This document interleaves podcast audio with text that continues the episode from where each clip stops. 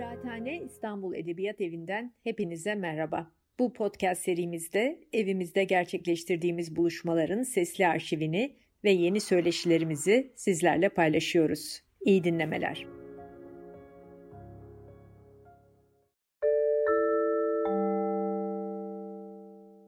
Herkese merhabalar. Ee, İstanbul Kıraathane Edebiyat Evi'nin e, kitabımla ilgili etkinliği için buradayım. Ee, kitabın başlığı da Armenians of Aintab, The Economics of Genocide in an Ottoman Province, e, Harvard Üniversitesi yayınlarından Nisan 2021'de yayınlanan e, bir çalışma. Antep Ermenileri bir Osmanlı vilayetinde soykırım ekonomisi başlıklı kitap. E, kitabın içeriğine geçmeden önce belki de e, hem bir araştırmacı ve tarihçi olarak kitabın ve bütün bir çalışmanın çıkış noktasından e, yani nasıl bir e, hikaye var bu kitabın arka planında ondan bahsetmek istiyorum. Hem kendi kişisel e, güncemle ve tarihimle e, hem de yaptığım araştırmayla yakından ilintili e, bir hikaye bu. Belki de bugün Ermeni meselesinin de toplumsal hafızamızda ne, ne derece yer işgal ettiğine ilişkin e, önemli bir anekdot aslında benim için hem de. E, Antep'te doğdum ve büyüdüm. E, üniversiteyi bitirdikten sonra Antep'in Temmuz sıcaklarının bastırdığı bir gün e, bir arkadaşımdan telefon gelmişti. E, hadi hemen buluşuyoruz atla Kayacık'a gel dedi. Kayacık o sırada benim için e, Antep'te bir semt isminden başka bir şey ifade etmiyordu açıkçası. Zaten nerede olduğunu bile bilmiyordum. Tarif ettiği sokağı buldum ve gördüklerim karşısında şaşkınlıktan adeta yön duygumu kaybetmiş gibi oradan oraya dolandım durdum. Sokaktaki yapılardan ve mekanın atmosferinden kendimi alamamıştım. Dar, dar bir sokak ya dar sokaklar, yan yana karşı karşıya yapılmış mimarlık harikası evler. Görünümleri adeta küçük bir Floransa'yı Floransa'yı andırıyordu. Ee, beton yığını yüksek katlı binaların, apartmanların istila ettiği Antep'te böyle bir mimari harikanın varlığı e, sanat tarihinden nasibini almamış biri olarak beni bile büyülemişti. Nihayet Papyrus Kafe'yi buldum. Buluşacağımız yer. Az önce gördüğüm evlerden biriydi. İçeri gireceğim sırada e, kafamı kaldırdım ve kapının tepesine oyulmuş olan harflere gözüm takıldı. İçeri seyirttim e, ve gördüğüm manzara karşısında hakikaten nutkum tutuldu. Geniş bir avlu, sağ ve sol taraflarında merdivenlerden çıkılan iki büyük oda. Odanın eşyalarındaki, dolaplarındaki işçilik hakikaten muazzamdı. Tavanı e, yine böyle Floransa'daki katedrallerin tavanlarını andırır şekilde yüksek ve az önce kapının girişine girişinde gördüğüm harflere benzer şekilde işlenmişti. Freskolar da vardı yine tavanda. Eski bir Antep evinde olduğuma kanaat getirmiştim o anda. Hani bu cennet yuvasının e, sahibiyle konuşmak ve evin tarihine ilişkin birkaç bilgi kırıntısı edinmek e, istedim. Kasanın önünde çayını yudumluyordu kafe sahibi. Yanına gittim, kendimi tanıttım. Evin tarihine ilişkin aklıma gelen ilk soruyu sordum. Merak ettim burayı kimden aldınız? Kim varmış sizden önce burada acaba?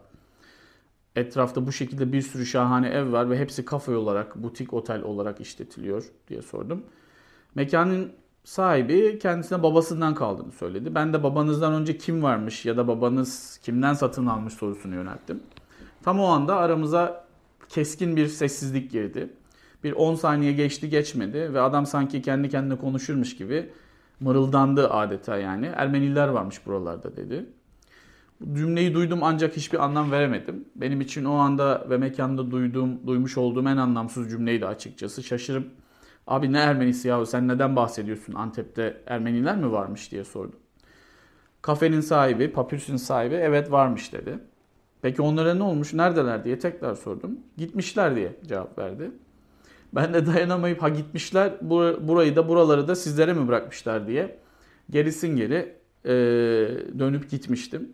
Sonra bu binanın, kafenin e, zamanında Antep'in en zengin, hayırsever, eğitime büyük önem veren, hakikaten asil ve görgülü ailelerinden Kara Nazar, Ağa, Nazar Nazaretyen'e ait olduğunu öğrenmiştim.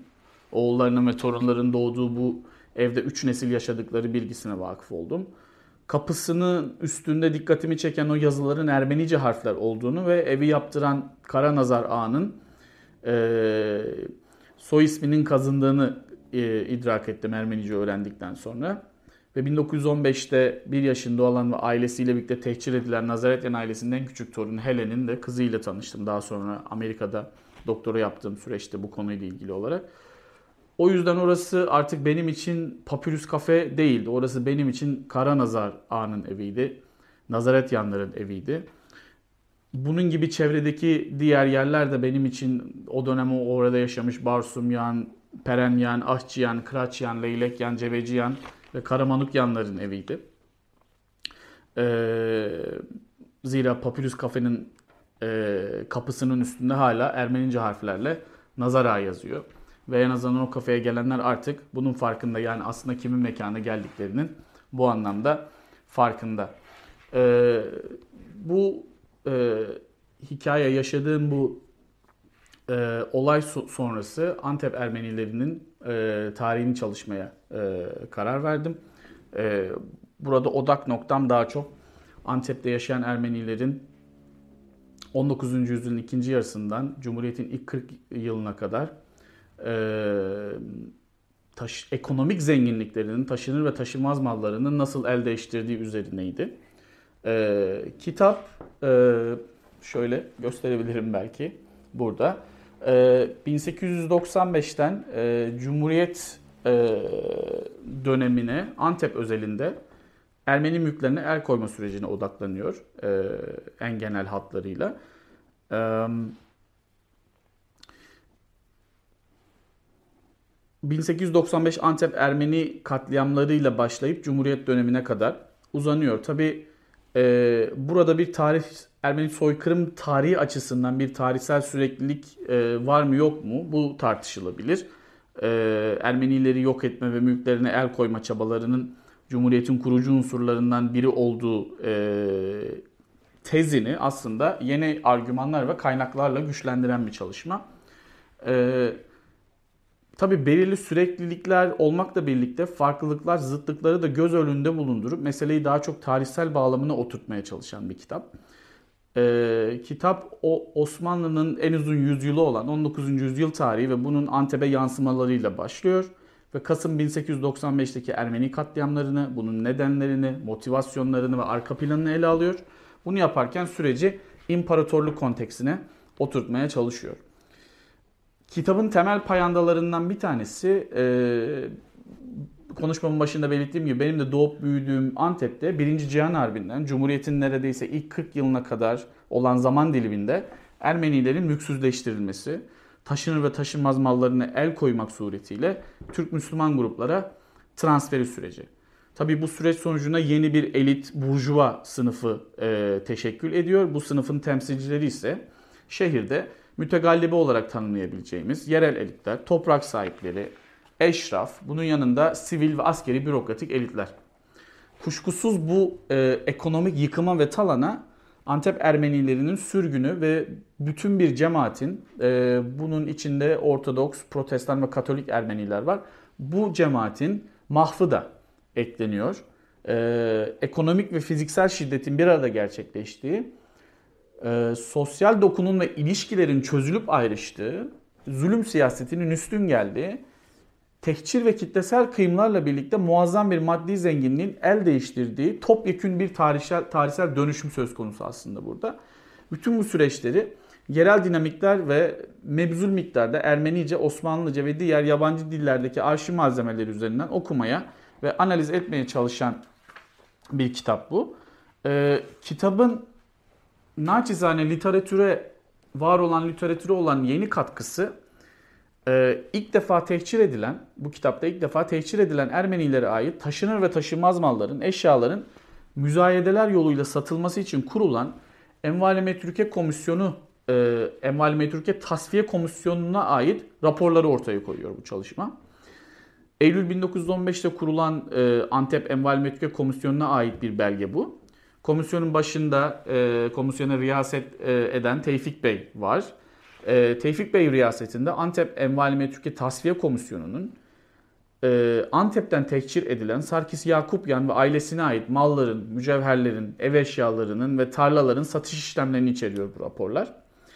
Bu satış raporlarını yakından incelediğimizde Yakupyan ailesine ait varlıkların e, bunların içinde yani aklınıza gelebilecek e, en küçük e, tırnak makasından e, bebek yastığına, yoğurt bakracından diğer büyük ev eşyalarına kadar her şey var. Bu varlıkların rayicinin bir hayli altında Antep'in önde gelen eşraf ailelerine mensup kişilere tırnak içinde satıldığını görüyoruz. Bu kişilerin neredeyse tamamının Antep İttihat ve Terakki Kulübü üyesi olduğunu ve şehirdeki Ermenilerin tehcir ve katliam e, katledilmesi sürecinde aktif rol oynadıklarını tespit edebiliyoruz. E, bu e, dokümantasyon bize siyasal elitlerin ekonomik, ideolojik ve bireysel çıkarlarının ortak bir zeminde buluştuğunu gösteriyor. Aslında küçük bir idari işlem, Envali Metüke Tasfiye Komisyonu dediğimiz sadece Antepli bir ailenin mal varlıklarına yönelik bu, bu işlem bize bu elitlerin e, bu siyasal elitlerin mütegallibe dediğimiz, yerel elit dediğimiz ve eşraftan kimse dediğimiz ayan e, sınıfının e, ideolojik, bireysel, politik ve en önemlisi bunları dik kesen ekonomik çıkarların e, ortak bir zeminde bir araya geldiğini e, gösteriyor bize bu rapor. Malum ee, Anadolu'da yaklaşık 30'dan fazla vilayet mutasarrıf ve kazada kuruluyor tasfiye komisyonları. Bu tasfiye komisyonlarına ait hesap defterleri ve diğer kayıtlar aslında Başbakanlık Osmanlı arşivlerinde mevcut. Ancak araştırmaların erişimine ne yazık ki kapalı. Ee, kitabımda yayınladığım yalnızca bir Osmanlı Ermeni vatandaşının mal ve mülklerine yönelik tasarrufları düşündüğümüzde aslında bu kayıtlara neden ulaşamadığımızın da cevabını rahatlıkla verebiliyoruz. Peki e, tabii ki Antep merkezli bir çalışma. E, aslında bir şehrin e, yıkımına ve yaşadığı travmayı anlatan, yık, yıkımının hikayesini ve travmasını anlatan bir çalışma. Ancak Antep'te yaşanan yerel dinamikler, düş, e, yerel dinamikleri düşündüğümüzde tabii ki kendine özgü bir takım e, unsurlar var. Antep Ermenilerinin e, örneğin Doğu Anadolu'da yaşayan ya da Ermenilerin Batı Ermenistan dediği vilayetlerde yaşayan Ermenilerin yaşadığı süreçleri düşündüğümüzde Antep Ermenilerinin e, yıkımı e, bölgesel farklılıklar, bir takım nüanslar içeriyor tabii ki. Ancak burada yerel dinamikler ön planda. Antep'le ilgili bu hikayenin Osmanlı, geç dönem Osmanlı e, ve Ön Asya ya da Anadolu'da Anadolu'daki diğer Ermenilerin yaşadığı şehir, vilayetler, kazalar ve mutasarrıf, mutasarrıflıklarda da aynı hikayenin aslında cereyan ettiğini e, görebiliyoruz.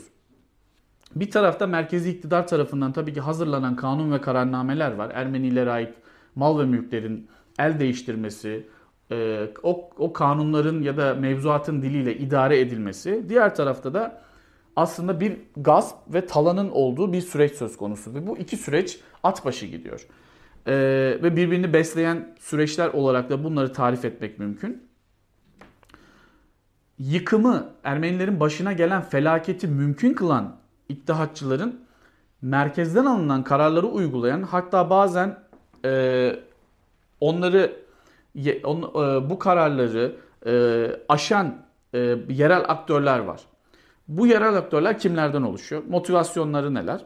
Ve toplumsal şiddetin bu şekilde alevlenmesini bu anlamda neye bağlayabiliriz? Aslında bu tür soruların cevaplarını e, Antep özelinde bulmamız mümkün. Bir dereceye kadar tabii ki.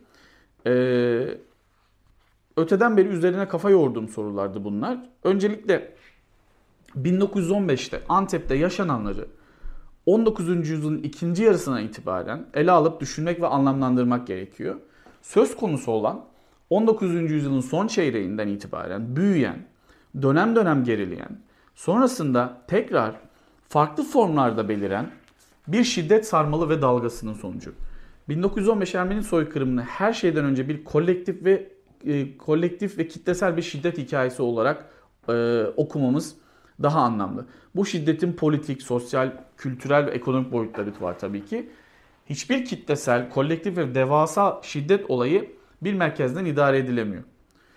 Antep'in bu boyutların en net biçimde görüldüğü mekanlardan biri olduğu kanaatindeyim. Bu boyutlardan en öne çıkan ise ekonomik unsur. Ermenilerin e, tabi ticaretle iştigal eden, toprak, mülk sahibi, üst, üst orta sınıf ve orta sınıf Ermenilerden burada söz ediyorum. E, göreceli olarak ekonomik anlamda refah seviyelerinin yüksek olması onları Antep'in Müslüman kitleleri nezdinde hedef haline getiriyor. Şehrin Müslüman yerel elitleri ve eşraf bu kitleleri mobilize etmekte bir hayli hünerli hareket ediyor. Hatta daha da ileri giderek İstanbul'daki merkezi hükümeti ve bu operasyonun başındaki Dahiliye Nazırı Talat Bey'i Antep Ermenilerinin tehcirine ikna eden yine aynı yerel elitler. Ermenilerin tehciri ve imhası o dönem Anadolu'nun birçok vilayetinde vuku buldu ve bu süreçler ilgili vilayetlerde yaşayan sivil, sıradan Müslüman, Müslümanlar başta olmak üzere özellikle yerel elitlerin ve eşrafın yönlendirilmesiyle e, aslında onların gözünde başarıyla gerçekleştirildi diyebiliriz. Antep'i en azından benim araştırmalarıma göre diğer vilayetlerden farklı kılan en belirgin özellik bölgenin yerel eşrafının ve elitlerinin Ermenilerin tehciri hususunda merkezi elitleri buna ikna etmesi, şehirde şiddet ikliminin dinamiklerini ilmek ilmek örmesi ve Ermenilerin imhası noktasında objektif bütün koşulları inşa etmesi. Merkezi hükümetten çok daha istekli, çok daha enerjik ve ikna edici davranmaları bu anlamda. Antep'i özgün kılan bir diğer noktada yereldeki bu elitler ile merkezin her zaman eşgüdümlü ve koordineli çalışmaması.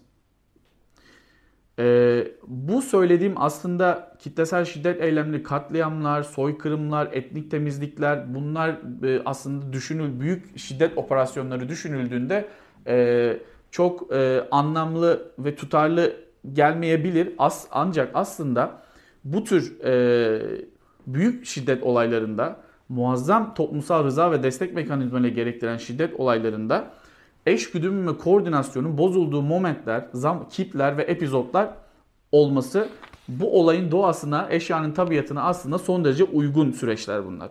Yerel aktörler birçok konuda inisiyatifi ele alır, ele alıyorlar ve bazı durumlarda merkezi hükümetin kararlarının ve talimatlarının hilafına hareket edebiliyorlar. Yalnız bunu İttihat ve Terakki iktidarı ile Antep'teki yerel elitler arasında bir uyumsuzluk ve ihtilaf olarak okumamak gerekiyor. Uzun vadede baktığımız zaman. Pek tabii ki bu iki iktidar bloğu arasında bir takım uyuşmazlık, uyuşmazlıklar yaşanıyor. Ancak her iki grubun da son tahlilde amacı aynıdır. Bu anlamda e, Antep'in 1915'in tarihi açısından hem genel resmi verdi hem de önemli nüansları içerdiği kanaatindeyim. Bir diğer dikkat çekici unsur yerel elitlerin mobilize ettiği sıradan sivil Müslümanlar. Ermenilerin tehcirine yönelik kitlesel desteğin yine en belirgin görüldüğü yerlerden biri Antep. Ee, burada Antep özelinde gördüğüm sıradan insanları bu suça ortak eden motivasyonun ideolojik ve politik etmenlerin yanında ve bunlardan da daha önemli olan ekonomik sahipler olduğu. Ermenilerin topyekün imhası e, aslında modern tarihte ilk defa bir hükümetin vatandaşı olan belli bir grubu siyasi bir problem olarak mülaze etmesi ve bu problemi söz konusu grubun ortadan kaldırılmasıyla çözüme kavuşacağına inanmasıdır. Bu noktada hükümetten ne kastettiğimizi belki somutlaştırmamız gerekiyor. Ermeni soykırımı dendiğinde Osmanlı hükümeti ifadesi yalnızca o dönem merkezi otoriteyi elinde bulunan İttihat ve Terakki fırkasını, onun mensuplarını veya bu partinin teşkil ettiği iktidar bloğunu kapsamamakta. Aynı zamanda söz konusu merkezi otoritenin vilayetlerdeki, sancaklardaki ve kasabalardaki sivil ve askeri bürokratlarının, e, onların genel sekreterlerinin, e, buradaki eşrafın temsil ettiği yerel elitlerden müteşekkil başka bir iktidar bloğu da bulunmakta. Ermeni soykırımının gerçekleşmesi sürecinde bu unsurların rolü çoğu zaman merkezi otoriteden daha aktif, etkin ve işlevsel oluyor. Bu anlamda bu dönemi çalışan tarihçilerin ve araştırmacıların Ermenilerin imha edilmesi gibi çok girif bir tarihsel sürecin farklı aşamalarında yer alan faillerin e, davranışlarının karmaşık ve ihtilaflı boyutlarına odaklanmaları gerekiyor. Bunu yaparken kurbanlar ve failler arasında Primo Levi'nin de e, belirttiği bu gri bölge, gray zone dediğimiz e, unsur Ermeni soykırımı özelinde de imhal imhal e, ihmal edilmemesi gereken bir nokta. Her şeyden önce bu felaket yelpazesi geniş bir failler grubu tarafından gerçekleştirilmiş kitlesel bir katliam. Ee, Ermeni soykırımı irrasyonel bir ırkçı nefret motivasyonuyla değil, oldukça kompleks, ideolojik, politik ve ekonomik sahiplerle gerçekleştirilmiştir. İttihat ve Terakki gibi devasa bir yapıda herkesin belli bir meselede istisnasız mutabakat halinde olduğunu iddia etmek eşyanın tabiatına aykırı bir durum. Bu yapıları güçlü kılan farklı ideolojik temayüller içermesi ve bunlar arasında esnek koalisyonlar kurabilme yetisidir. Aktörler arası bu çeşitlilik ve geçişkenlik devasa katliamların ve yıkım olaylarının düzenleyicisi ve birinci, birinci derecede sorumlusu olan merkezdeki devlet elitlerinin de işini kolaylaştıran bir faktör. Bu esnek koalisyonlar söz konusu şi- kitlesel şiddet eylemlerinin uzun vadede başarıyla sonuçlanmasına da katkıda bulunuyor. Zira bu sayede merkezi devletin siyasal, askeri ve bürokratik elitleri planladıkları ve uygulamaya geçirdikleri bu şiddet eylemlerinin sorumluluğunu diğer toplumsal kesimlere de teşmil ederek aslında bir çeşit suç ortaklığı teşkil ediyor, inşa ediyorlar. Bu suç ortaklığı inşa edilmesi tahayyül edilen yekpare kimliğe veya kutsal amaca onların e, tabiriyle hizmet etmek isteyen toplumsal gruplara bu yapıya entegre olma ve bu muayyen, ve muayyen bir aidiyet hissine sahip olma şansı da veriyor. Antep Ermenilerinin imhası sürecinde yerel elitlerin ve eşrafın aktif katılımının altında yatan en önemli etmen daha önce de belirttiğim gibi Ermenilere ait, Ermenilere ait mal, mülk ve zenginliği elde etme motivasyonu. Daha da önemlisi bu motivasyon bu süreçten çıkar elde edenleri birbirlerine ve iddiaççı rejime daha da bağımlı hale getiriyor. Ermenilere yönelik imha politikalarını gerçekleştirmek için İttihat ve Terakki tavizlerde bulunmak durumunda kalmış. Dolayısıyla Antep'teki Müslüman elitleri İttihat ve Terakki iktidarına ve onun imha siyasalarına dahil eden motivasyon ortak bir ideolojik prensipten ziyade bu faillerin kendi kişisel çıkarlarıdır. Bu tutum karşılığında İttihat ve Terakki suç ortaklığının ölçeğini büyük ölçü büyük ölçüde genişletmiş, bir anlamda aslında suçu tabana yaymıştır. Burada suç ortaklığından kasıt yalnızca soykırım başladıktan sonra faillerin veya bu süreçten nemalananların dahili değildir. Aynı zamanda toplumun değişik kesimlerinin evvel emirde Ermenilerin imhasını desteklemesi ve buna rıza göstermeleridir. Bu destek ve rıza rejimine ve onun ideallerine olan bağlılıklarının test edildiği adeta bir turnusol kağıdı işlevi görmüştür Ermenilerin imhası süreci. Bu süreci bütün boyutlarıyla topyekun bir biçimde düşündüğümüzde. Bu noktada belki biraz kitabın e, bölümlerinden bahsetmekte fayda var. E, kitap e, Antep'in e, bir 19. yüzyıl e, tarihiyle başlıyor aslında. Bu tarih daha çok etnodinsel, iki farklı etnodinsel grup Müslümanlar, gayrimüslimler ve daha çok burada Ermeniler. Bunun arasındaki ilişkilerin, toplumsal sosyal ilişkilerin, ekonomik ilişkilerin ve komşuluk ilişkilerinin o dönem Osmanlı tarihi, o da Osmanlı bağlamına da oturtarak Tanzimat ve daha sonra ıslahat gibi iki önemli reform e, süreciyle birlikte Ermenilerin özellikle ekonomik ve kültürel alanda hızla büyümeleri, gelişmeleri ve bunun Müslüman cenahta yarattığı önemli e, önemli e, e, içerlemeler, buna yönelik e, kıskançlık duyguları ve bunların kendini şiddetle ifade etmesi e, ve bu şiddetin Kasım 1895'te ilk defa kuvveden fiile çıkarılması, Abdülhamit dönemi katliamları dediğimiz sürecin Antep'te gerçekleşmesi 16 Kasım ve 19 Kasım 1895 arası dönemde. E, bu katliamların e, hangi motivasyonlarla nasıl bir tarihsel arka planda ortaya çıktığını e, her iki aktörün de tutumlarına ve tavır alışlarına e, bakarak anlamaya çalışıyor e, bu bölümde.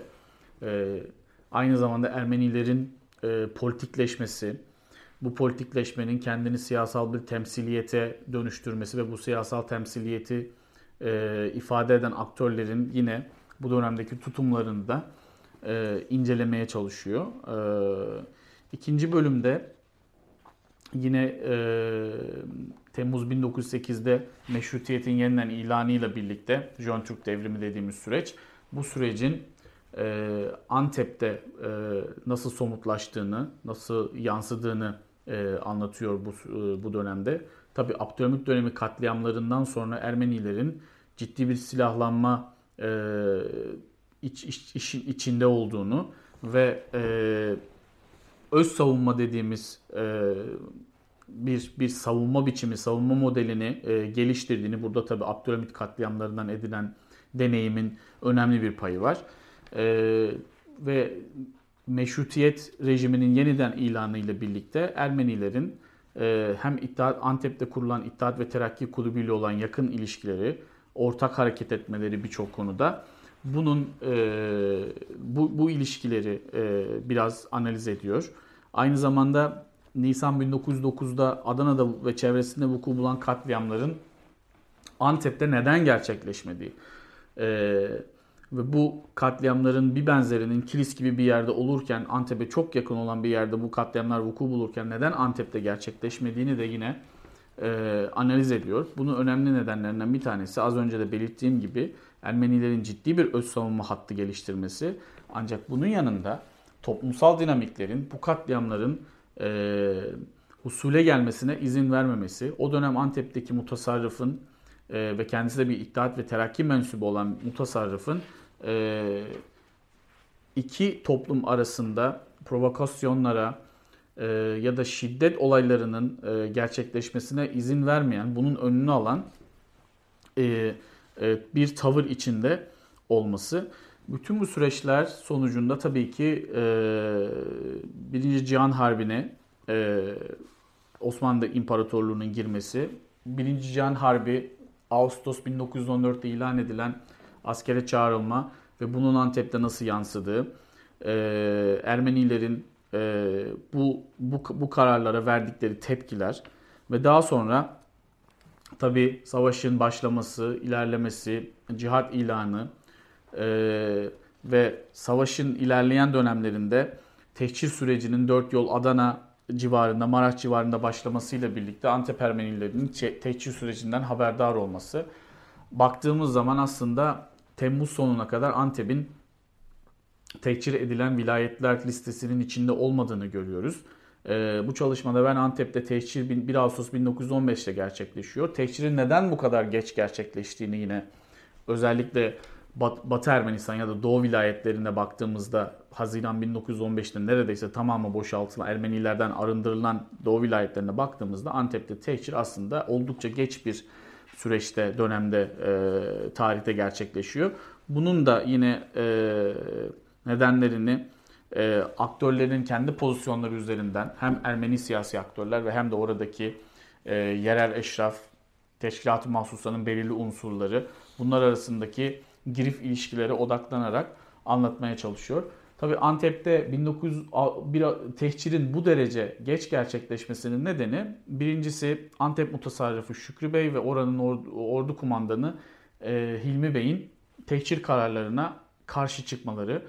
E, bu karşı çıkmalarının altına yatan en önemli sebep de Antep Ermenilerini bu iki e, idarecinin askeri ve sivil bürokratın Antep Ermenilerini imparatorluğun ve şehrin geneli için bir güvenlik tehdidi ve riski olarak görmemeleri.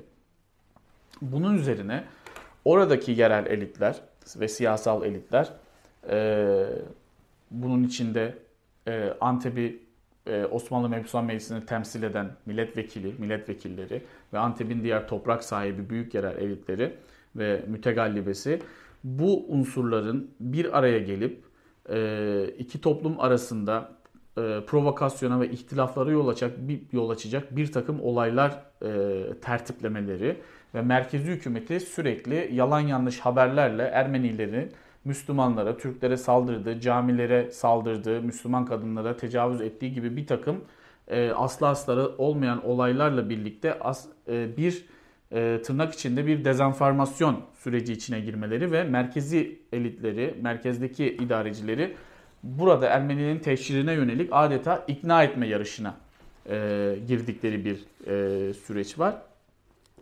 Kitabın as, kitabın e, ana aks, ana akslarından bir tanesi e, tabii ki bu envali Ermenilere ait mal ve nasıl el değiştirdiğini ve kimlere e, aktarıldığını ve bir, bu zenginliğin nasıl yaratıldığını, inşa edildiğine odaklanıyor. Bu süreci e, ben üçe ayırıyorum kitapta. Birinci bölüm 1915-18 arası Ermenilerin e, tehcir hakkında tehcir kararı verilmiş Ermenilerin taşınır ve taşınmaz mallarıyla ilgili çıkartılmış enval metrüke kanunları ve bu kanunların akabinde kurulmuş enval metrüke tasfiye komisyonları aracılığıyla bu mal ve mülklerin bir kere nasıl devletin muhtesine geçirildiği ve müzayedeler yoluyla nasıl haraç mezat satıldığı. İkinci süreç bu süreçle paralel giden, koşut giden bir e, talan ekonomisi. E, yani aslında baktığımız zaman bir devletin yürüttüğü bir operasyon var. Ben buna gasp ekonomisi diyorum. Bir de e, yerel elitlerin başını çektiği, eşrafın başını çektiği ve içinde e, sivil, Kürt, Arap, Türkmen, Müslümanların da katıldığı bir kapanın elinde kapanın elinde kaldığı bir talan ekonomisinden, bir talan sürecinden bahsediyoruz. Tabii bu sürecin önüne geçebilmek için e, merkezi hükümet ve İttihat ve Terakki bir takım önlemler almaya çalışmıştır. Ancak e, bunun önüne ma, e, geçememiştir ve bir anlamda aslında bu talanın talana da göz yummuştur. Çünkü talana dahil olan unsurların bir anlamda desteğine ve e, ve bu süreçteki e, bu süreçteki yardımına e, ihtiyacı olduğundan. Bu süreçte e, ikinci bölüm aslında an, e, Ermenilerin tehcirden sonra Antep'e geri dönüş süreci. 1918 ve 1920-21'e kadar da uzatılabilir bu süreç. 1918 ve 21 e, arası süreçte Aralık 1918'de Antepli Ermenilerin aslında memlekette sağ, sağ kalan Ermenilerin, sağ kalmayı başarabilen Ermenilerin geri döndüğünü görüyoruz. E, bu süreçte Antep öncelikle bir İngiliz işgaline tabi tutuluyor.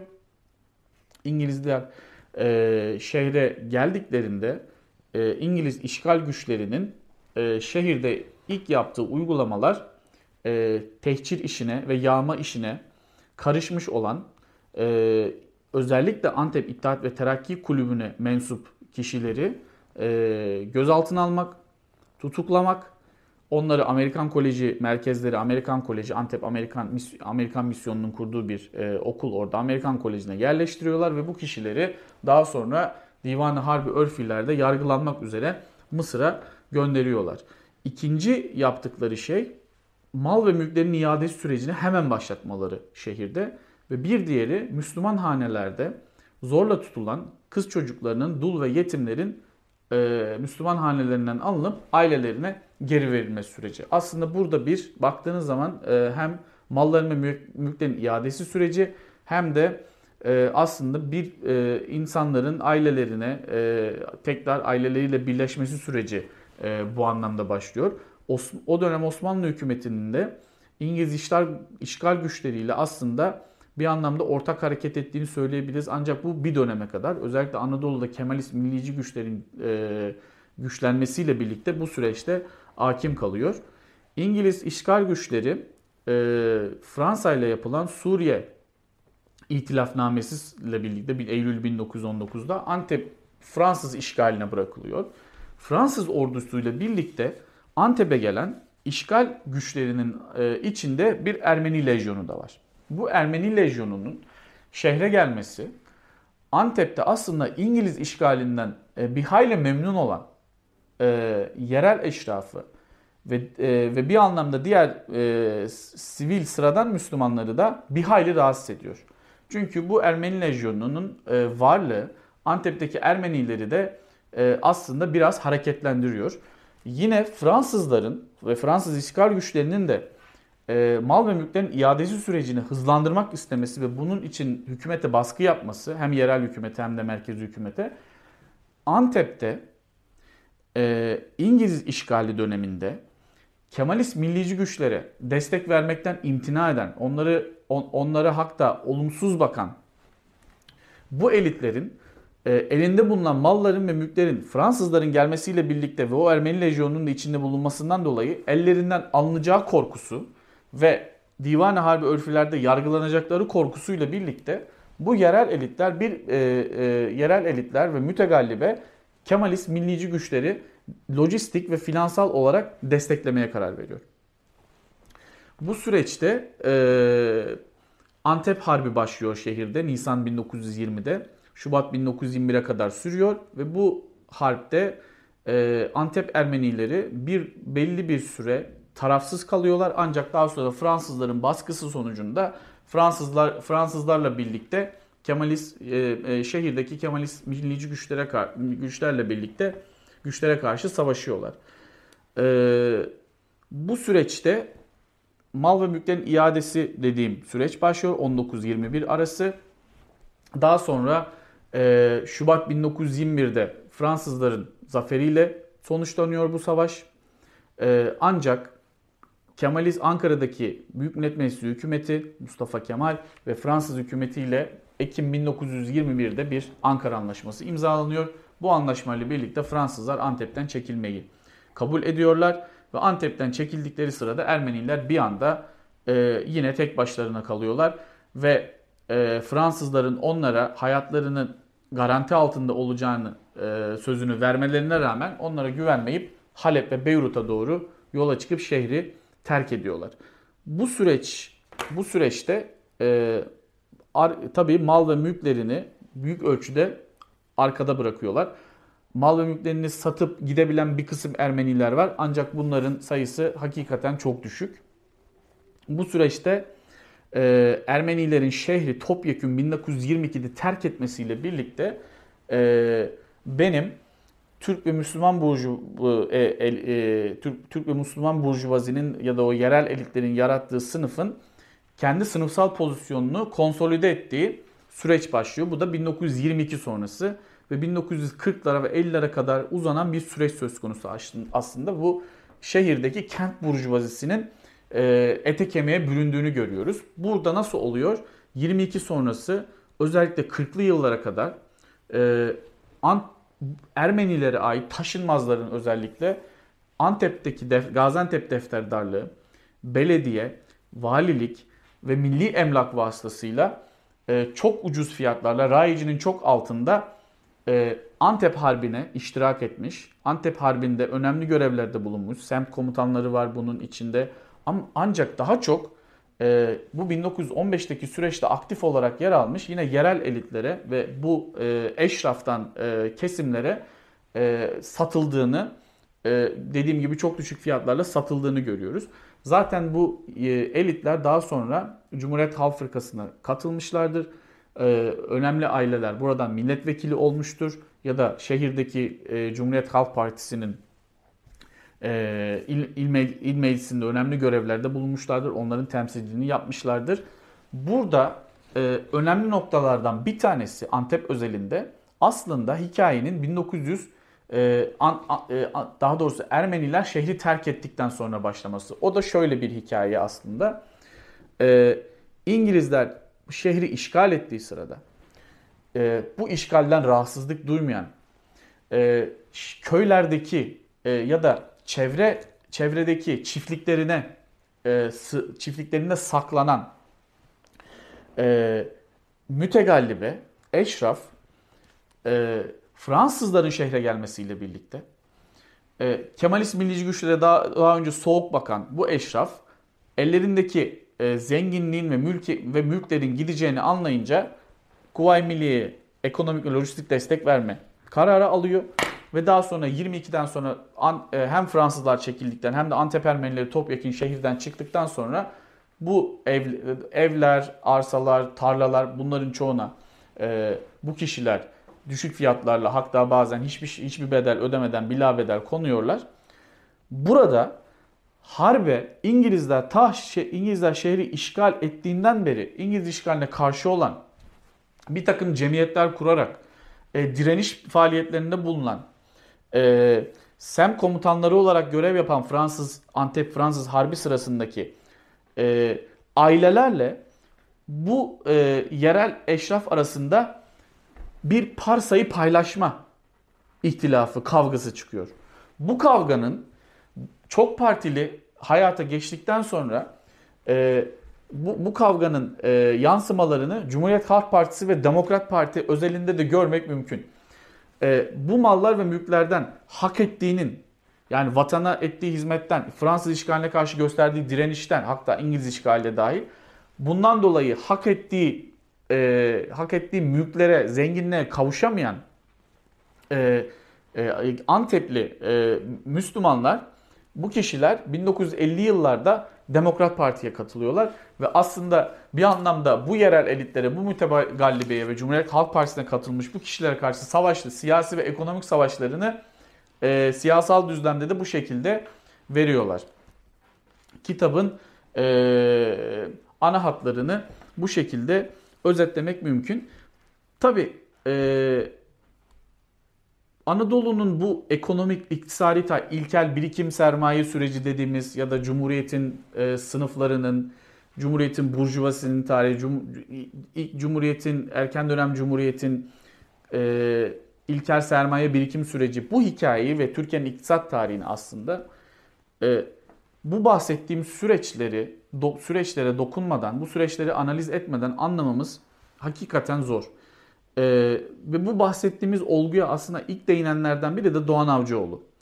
Türkiye'nin düzeni ve milli kurtuluş tarihi e, serisinin ilgili cildinde bu meseleyi Marksist bir yaklaşımla ele alıyor Doğan Avcıoğlu. Türkiye'nin iktisadi tarihine dair analizlerinde gayrimüslim unsurlardan kalan servetin yeni kurulan ulus devletin ilkel birikim, ilkel sermaye birikim sürecinin temelini teşkil ettiğini her zaman söyler. Hakeza yine Damar Arukoğlu'nun e, hatıralarım Milli Mücadelede Çukurova'da Fransız işgali ve kanlı savaşlar adlı çalışması. O da Osmanlı Hristiyanlarının e, bu kaç kaç olarak adlandırılan süreçte işte can havliyle evlerini, barklarını bırakarak e, gitmeleriyle geride bırakmak zorunda kaldıkları mal varlıklarına konan ve bu sayede servet sahibi olan yeni Müslüman zenginlerden bahseder o da. Hakeza Yaşar Kemal'in Orhan Kemal'in romanlarında da bu olgu sıklıkla karşımıza e, çıkıyor. 1915 yılında sürgün edilen Ermenilerin geride bıraktıkları malların idaresi için gerek Osmanlı gerekse Cumhuriyet döneminde bir dizi kanun, kararname çıkarılıyor. 1915'te tehcire ve katliama maruz kalan Osmanlı Ermeni vatandaşlarının sürgün edilmeden önce e, sahip oldukları taşınır ve taşınmaz mallar el değiştiriyor. Osmanlı Ermeniler ait mal ve mülk önce enval metruke kanunları adı altında İttihat ve Terakki Partisi iktidarının ve daha sonra Cumhuriyet rejimi kadrolarının çıkardığı bir dizi kanun, tüzlük ve diğer hukuki düzenlemeler aracılığıyla kitabına ve tırnak içinde hukukuna uydurularak Ermenilerin ellerinden alınıyor. Genç Cumhuriyet'in ilkel sermaye birikim süreci, proto milli burjuvazinin kökenleri, ve topyekün ekonominin Türkleştirilmesi, başka bir ifadeyle gayrimüslim unsurlarından arındırılması bu meskur şiddetin ekonomik bileşkeleri göz önünde bulundurulmadan anlaşılması hakikaten güç. Ee, Enval-i Metrüke kanunları aynı zamanda o dönemde tehcire ve kırıma hem açık hem de örtük destek veren Anadolu'nun çeşitli bölgelerindeki yerel eşraf ve elitlerin zenginliklerinin kaynağının açığa çıkarılması bakımından da son derece önemli. Söz konusu yerel elitler Ermenilerden kalan taşınır ve taşınmaz mal ve mülklere envali metruke kanunlarının onlara sağladığı fırsatlar sayesinde el koyarak 50'li 60'lı yıllarda taşra burjuvasisine olmuş, 70'lerden itibaren de ağırlıklı olarak kent burjuvasisine evrilmişlerdir. Dolayısıyla bir kere daha tekrarlamam gerekirse aslında hem envali metruke mevzuatı aracılığıyla bir gasp ekonomisi, malların, mülklerin ve bu servetin başkalarının uhdesine geçmesiyle aynı zamanda bir talan ekonomisi yaratılmıştır. Ve bu iki süreç birbirini desteklemiş ve eş zamanlı yürütülmüştür. Ee, işte bütün bu e, ekonomik, evvel emirde ekonomik, toplumsal, toplumsal, siyasal ve bunun içinde tabii ki kültürel e, bir şehrin e, dönüşümünü aslında anlatmaya çalışan e, bir çalışma bu. Bu dönüşümün tabii ki çok travmatik bir hikayesi var.